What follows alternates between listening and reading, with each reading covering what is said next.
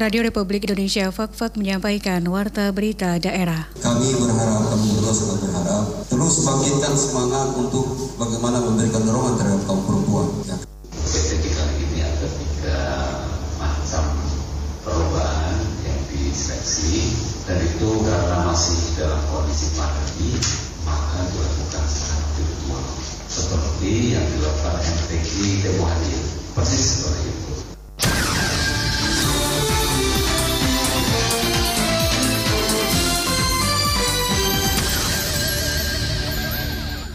Selamat sore, Sari Berita. Kegiatan Sekolah Islam Gender SIG diharapkan dapat membangkitkan semangat untuk bagaimana memberikan dorongan kepada kaum perempuan saat ini. Kepala Kejaksaan Tinggi Kejati Papua Barat, Wilhelmus Lingitubun, pagi tadi melantik sekaligus melakukan serah terima jabatan empat kepala Kejaksaan Negeri atau Kejari. Itulah berita utama edisi hari ini, Senin 1 Maret 2021. Saya Siti Nur Aisyah.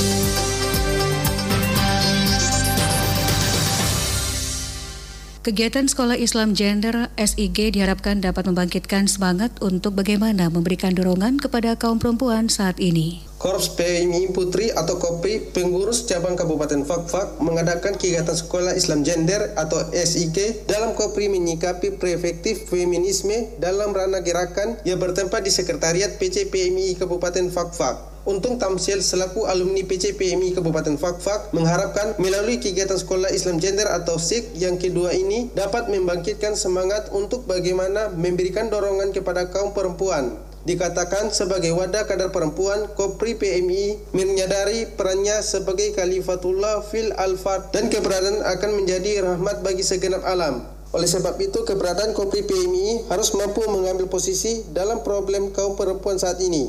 Kami berharap, kami juga sangat berharap, terus bangkitkan semangat untuk bagaimana memberikan dorongan terhadap kaum perempuan. Ya, kesetaraan perbedaan antara laki-laki, laki-laki biasa dimain dengan kekerasan, dan perempuan kan main dengan ini harus tetap dilakukan. Begitu pula dari eh, pakaian, kami akan mendukung penuh teman pakaian, PKD, kegiatan-kegiatan nanti di perempuan di Katolik maupun di Protestan, saya dan Mama akan selalu tegak. Semua tidak ada perbedaan, itu Islam dan Katolik tidak ada.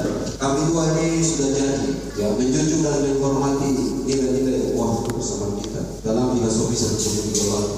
Sementara Ketua Kopri PKC PMI ke Papua dan Papua Barat, Endang Uriam menghimbau kepada seluruh kader-kader PMI dan kepada seluruh senior dan alumni PMI Kabupaten Fakfak untuk saling bersinergi dan bekerjasama dalam memajukan dan mengembangkan organisasi PMI Kabupaten Fakfak yang lebih baik ke depannya. Minta kepada seluruh kader PMI maupun seluruh senior-senior hal-hal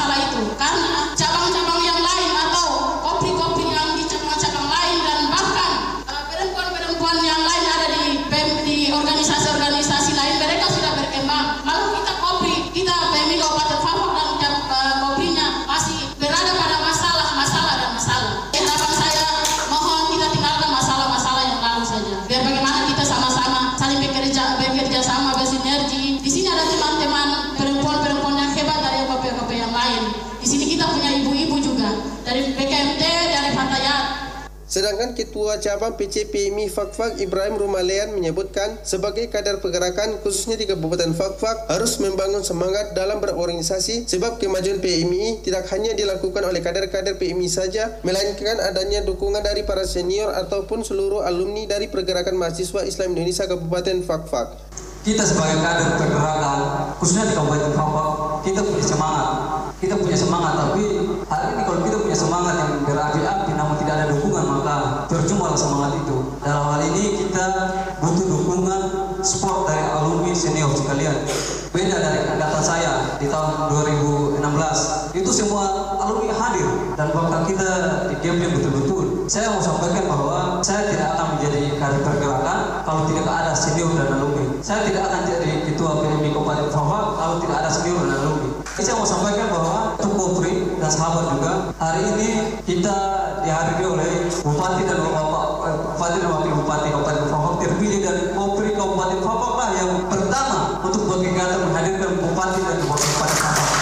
Selain dihadiri kader-kader PMI Kabupaten Fakfak, kegiatan Sekolah Islam Gender SIG yang dilakukan oleh Korps PMI Putri, Korpri Pengurus Cabang Kabupaten Fakfak juga dihadiri oleh Bupati dan Wakil Bupati terpilih, Organisasi Gabungan Kepemudaan, Fatayat NU, BKMT Kabupaten Fakfak, serta para alumni PC PMI Kabupaten Fakfak. Januardi melaporkan.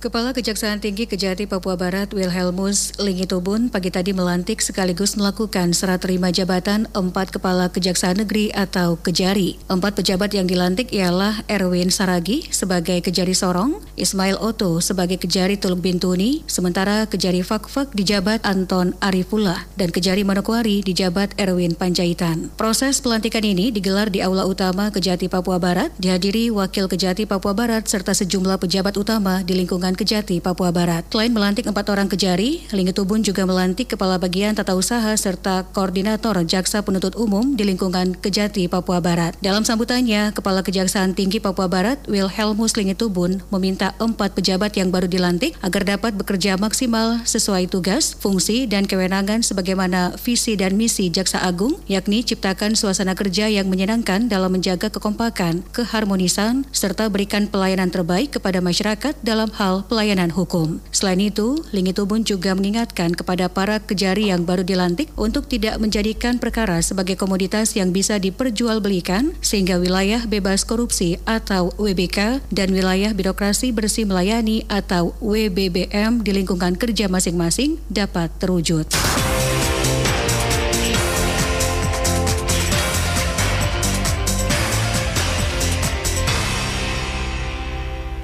Vaksinasi dosis kedua untuk tenaga kesehatan atau nakes saat ini sedang berlangsung di Kabupaten Fakfak. Kepala Dinas Kesehatan Gondo Suprapto dalam laporan harian vaksinasi COVID-19 menyebutkan hingga kemarin 28 Februari dari sasaran nakes sebanyak 949 orang, 910 orang atau 95,9 persen di antaranya sudah divaksinasi COVID-19 dosis pertama. Sedangkan untuk penyuntikan dosis kedua sebanyak 638 orang nakes atau 67,2 persen telah dilaksanakan. Diuraikan Gondo dari 949 sasaran nakes, 142 orang atau 14,9 persen dinyatakan batal divaksinasi atau tidak memenuhi syarat, sementara jumlah tunda vaksinasi sebanyak 170 orang atau 17,8 persen. Gondo Suprapto juga mengajak para nakes yang belum divaksin dosis kedua agar segera divaksin di pelayanan kesehatan atau puskesmas di wilayah Kabupaten Fakfak. Fak. Ditambahkan Gondo Suprapto, kondisi nakes setelah divaksin pasca suntikan dosis pertama maupun kedua masih tetap aman dan sehat. Artinya tidak ada keluhan yang berarti. Ditambahkan Gondo, meskipun sudah divaksin baik dosis pertama maupun kedua, yang bersangkutan harus tetap menerapkan protokol kesehatan dalam aktivitas sehari-hari. Terima kasih Anda masih menyimak Warta Berita Daerah Produksi Radio Republik Indonesia Fak-Fak.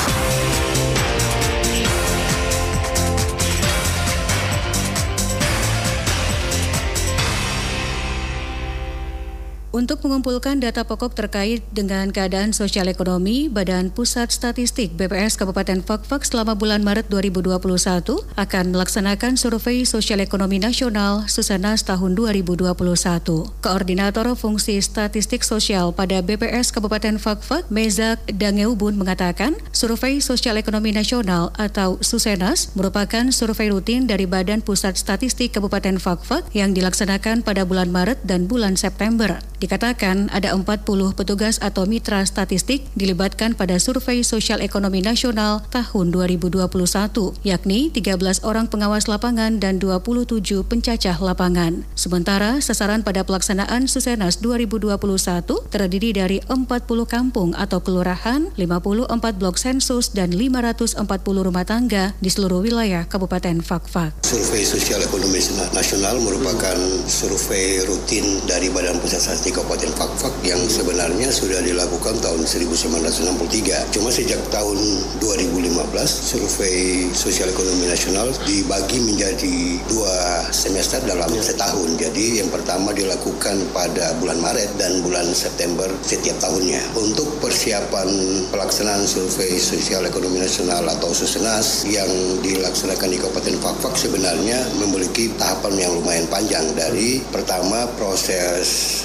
recruiting petugas atau recruiting calon petugas yang biasanya kami disebut di Badan Pusat Statistik adalah mitra. Yang kedua kita melakukan pelatihan instruktur nasional yang diajarkan langsung oleh instruktur utama dan nanti dari situ instruktur nasional akan mengajarkan para calon petugas atau yang mitra tadi. Selanjutnya kita akan melaksanakan proses persiapan lainnya, administrasi dan sebagainya dan nanti kita akan melaksanakan proses pelaksanaan lapangan. Sementara tujuan utama dari Survei Sosial Ekonomi Nasional Susenas di tahun 2021 ini adalah untuk mengumpulkan data pokok terkait dengan keadaan sosial ekonomi, di mana Susenas ini dibagi menjadi dua bentuk kuesioner atau pertanyaan, yakni kuesioner Court dan kuesioner konsumsi pengeluaran atau KP, yang menambahkan target pada pelaksanaan Survei Sosial Ekonomi Nasional Susenas 2021 ini adalah mendapatkan responden yang tinggi dari semua sampel-sampel yang terpilih, serta diharapkan dari setiap sampel yang terpilih dapat memberikan jawaban yang benar dan aktual, sehingga dari jawaban tersebut menghasilkan indikator yang memang benar-benar menggambarkan cerminan atau karakteristik indikator sosial ekonomi di suatu wilayah. Sedangkan hasil pendataan yang dihimpun pada Susenas 2021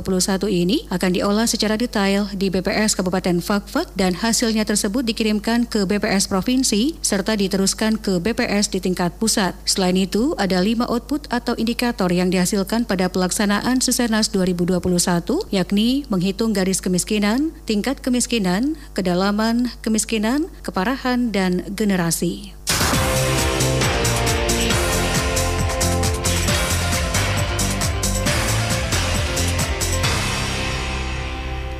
Saudara, minggu-minggu sengsara Tuhan Yesus yang dilalui umat percaya merupakan saat di mana sebagai ciptaannya mendekatkan diri pada Tuhan serta mengenang kembali karya kasih Tuhan dalam derita dan sengsara yang dipikulnya demi menanggung dosa manusia. Saat ini, seluruh umat Kristiani memasuki minggu sengsara Tuhan Yesus ketiga yang dilakukan dalam bentuk ibadah minggu seperti yang dilaksanakan pada GPI Papua Jemaat Betel Fakfak dipimpin Pendeta Ruth Eman Ratu. Dalam khotbahnya, ia mengatakan cobaan yang datang datang dalam hidup kita silih berganti hingga mengakibatkan seseorang merasa terpuruk. Namun, semua itu merupakan sebuah proses pencobaan iman serta untuk lebih mendekatkan diri kita kepada Tuhan. Menjadi pelajaran penting bagi kita bahwa gereja menganut minggu sengsara Kristus dalam tujuh minggu yang dilewati oleh Yesus dari tahap demi tahap menuju puncak kesengsaraan adalah kematian di Golgota.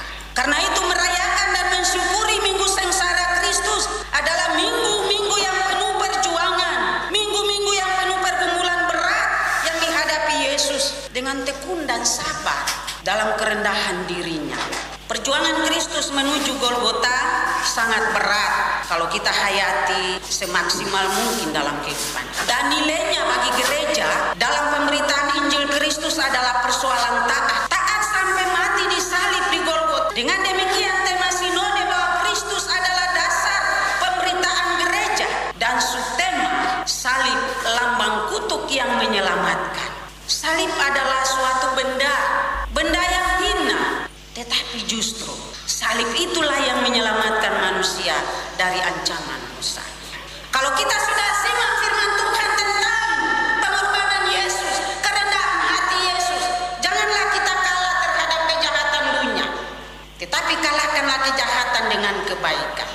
Di lain khotbahnya, Pendeta Eman Ratu juga mengingatkan kepada umat untuk tetap percaya karena janji Tuhan, iya dan amin. Peringatan Minggu Sengsara Tuhan ketiga merupakan refleksi bagi semua umat Kristen untuk lebih memahami kasih yang diberikan Tuhan kepada manusia, sehingga kasih yang telah diberikan dapat diperlabakan kepada semua orang.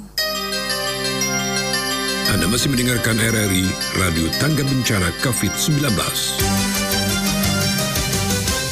Lembaga Penyiaran Publik LPP RRI kembali menghelat ajang bergengsi bertajuk Pekan Tilawatil Quran tahun 2021. Berikut laporannya. Saudara Lembaga Penyiaran Publik LPP RRI akan kembali menghelat ajang bergengsi bertajuk Pekan Tilawatil Quran PTQ tahun 2021. Kepastian kesiapan PTQ tahun 2021 ini dibahas dalam rapat awal panitia di studio multipurpose dibuka Kepala RRI Fakfak Bambang Dwiana dihadiri jajaran Kepala Seksi selaku pengarah dan sejumlah panitia pagi tadi. Kepala RRI Fakfak Bambang Dwiana pada rapat tersebut mengatakan PTQ tahun tahun ini berbeda dengan tahun sebelumnya karena untuk tahun ini dilakukan secara virtual sebab pelaksanaannya dalam masa pandemi COVID-19. Dengan demikian kerjasama semua panitia yang terlibat sangat diharapkan guna menyukseskan agenda tersebut.